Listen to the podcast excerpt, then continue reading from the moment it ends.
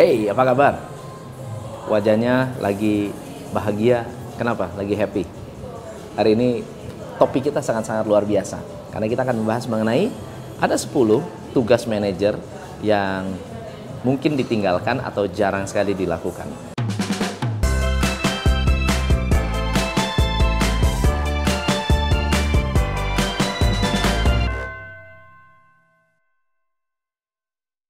Teman-teman, kalau Anda pernah bertemu dengan orang-orang yang pusing dengan bisnis atau mungkin bingung karena kok saya punya tugas nggak beres-beres kenapa saya sudah jadi manajer tetapi tidak optimal? Hari ini adalah hari yang penting karena saya mau membahas 10 tugas manajer yang memang menjadi tugas penting seorang manajer. Ada satu statistik yang menarik yang dilakukan oleh Harvard Harvard mengatakan 58% manajer tidak pernah mendapatkan pelatihan tentang managerial skill. Jadi separuh dari manajer di luar sana tidak pernah mendapatkan training resmi how to become a manager. Termasuk juga supervisor. Banyak supervisor di luar sana diangkat jadi supervisor karena senioritas. Karena sudah lama bekerja. Dan ini menjadi masalah. Akhirnya membuat business owner pusing juga. Kenapa pusing? Karena nomor satu, dikasih tugas nggak beres. Yang kedua, mengerjakan pekerjaan staff. Yang ketiga, banyak sekali manajer di luar sana mencoba untuk melakukan tugasnya sebagai manajer, tetapi dihalang-halangi oleh business owner. Kenapa? Karena business owner sendiri nggak tahu apa tugas manajer. So hari ini kita akan belajar 10 hal yang saya percaya bisa memberikan Anda idea tentang how to become basic dalam hal managerial skill. Tugas manajer yang pertama adalah planning. Oke, saya mau tanya, apa yang Anda pikirkan ketika saya bicara tentang planning? Mungkin Anda berpikir bikin rencana, mungkin Anda berpikir membuat satu schedule. Ya, jujur aja banyak orang yang tidak paham dengan yang namanya planning.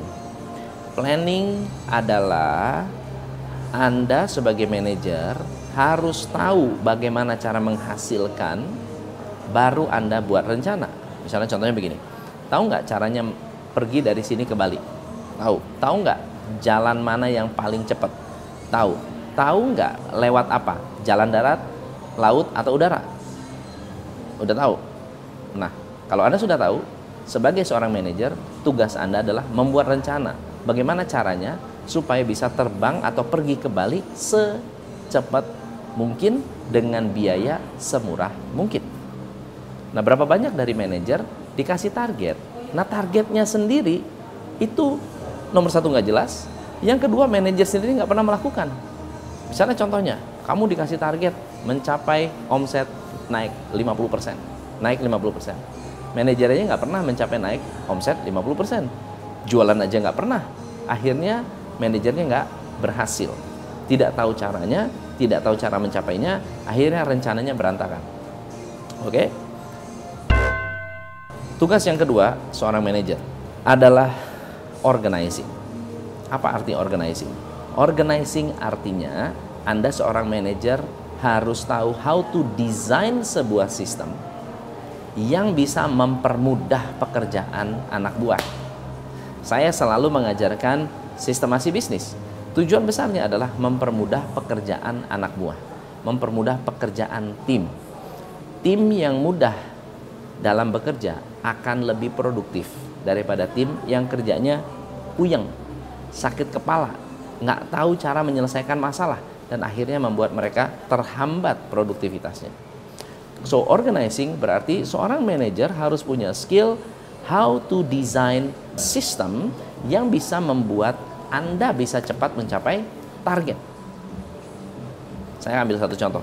Kita berada di sebuah cafe namanya Covenant ya di um, Moi. Cafe ini cantik sekali, cafe ini menarik sekali, desainnya bagus, servisnya cepat. You know why? Karena si manajer memberikan atau menciptakan sebuah sistem yang mempermudah karyawan bekerja dengan lebih cepat. Dan itu adalah tugas dari seorang manajer. Yang ketiga, seorang manajer harus tahu caranya melakukan staffing. Staffing itu begini.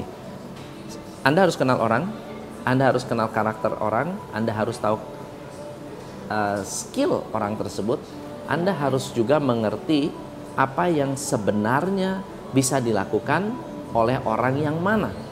Nah, staffing artinya merencanakan manpower untuk bisa mempercepat target tercapai, tapi sekaligus juga menempatkan orang yang tepat di tempat yang tepat.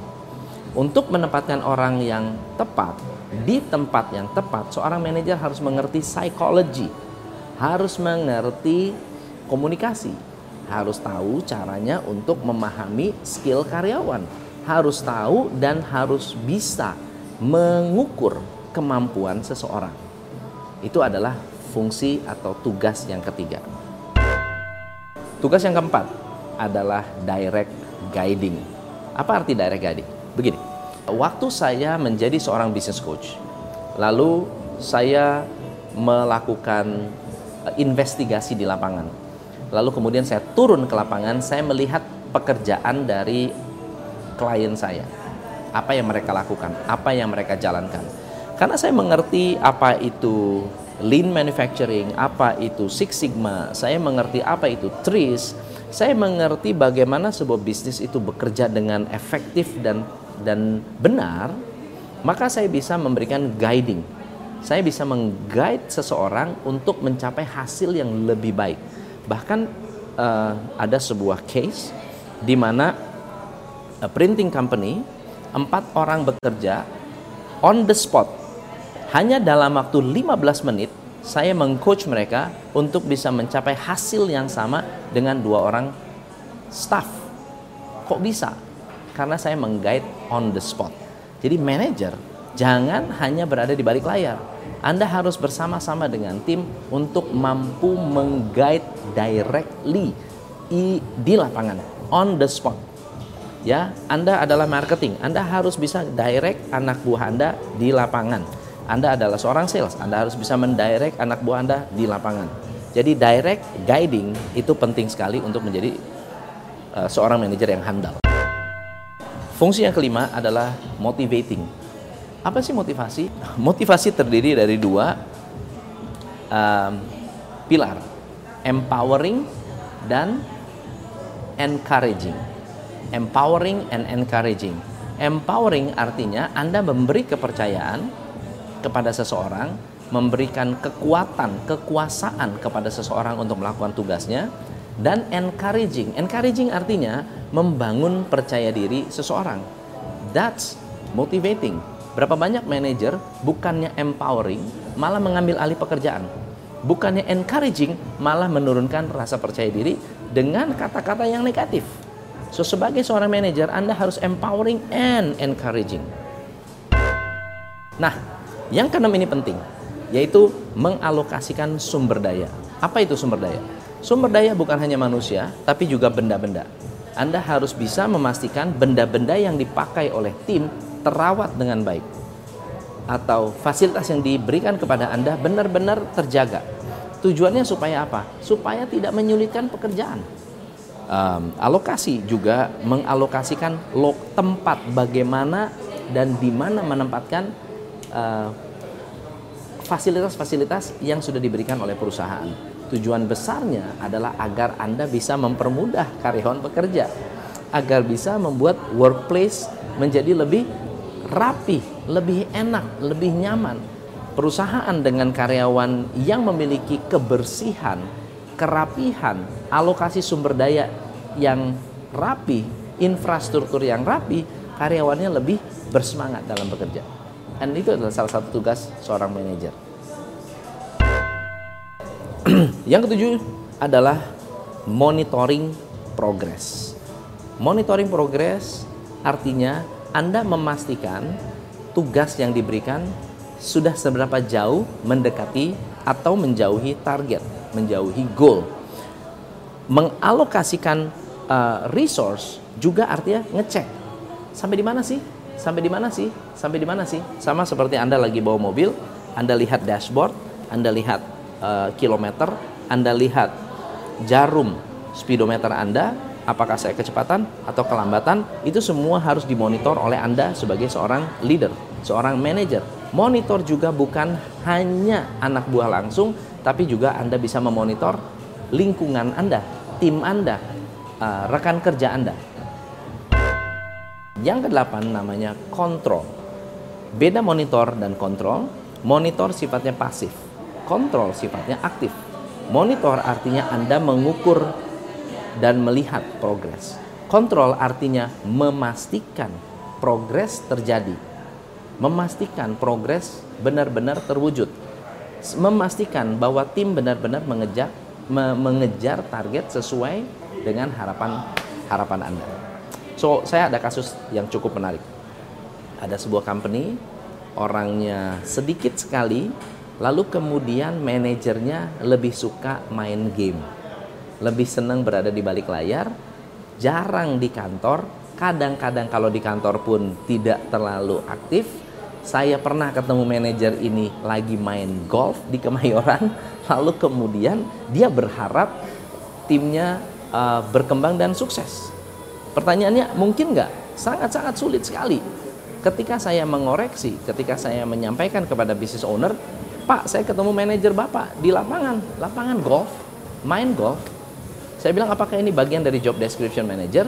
Dia bilang, enggak sih, tapi memang kita memberikan kesempatan untuk networking. Pertanyaannya, apakah networking yang dilakukan oleh manajer ini mempengaruhi kinerja tim atau bisnisnya berkembang dan bertumbuh sesuai dengan prestasinya manajer. Ternyata enggak juga. Ya, networking enggak berpengaruh. Prestasi tim tidak uh, dijalankan atau tidak terjadi atas dasar prestasi manajer. So, teman-teman, ini adalah hal yang sangat-sangat kritikal sekali kontrol ini. Yang kesembilan namanya informing. Informing artinya apa? Anda sebagai seorang manajer harus bisa menyampaikan informasi bukan hanya ke atasan, bukan hanya ke bawahan, tapi juga ke samping. Memastikan orang-orang yang ada di samping, di atas, dan di bawah well informed. Well informed artinya tahu progres, tahu isu. Anda mengerti kenapa terjadi, anda tidak perlu menyalahkan, tapi Anda bisa berkoordinasi, menyampaikan koordinasi, memastikan koordinasi terjadi dan memastikan apa yang uh, menjadi target bersama benar-benar terwujud. Yang terakhir, tugas manajer adalah menciptakan sebuah report. What is report? Report adalah sebuah tools untuk mendokumentasikan progres. Anda bisa mereport kepada atasan dan memastikan bahwa progres disampaikan kepada tim. Tim tuh harus mengerti, eh bos, hey guys, teman-teman, kita baru nyampe 30% loh. Kita mau melakukan apa nih supaya kita bisa nyampe lebih kencang lagi. Jadi report ini membuat manajer bisa mengerti dan melakukan thinking time untuk memastikan bahwa apa yang saya lakukan sudah benar atau belum. Kalau sudah benar, that's good. Kalau belum, you have to do something different. So thank you so much. Semoga Tips ini bermanfaat. Kalau Anda suka, please like, comment, and subscribe. Jangan lupa share. Saya Tom MC Ifle. Salam pencerahan. Hanya di Coach Indonesia.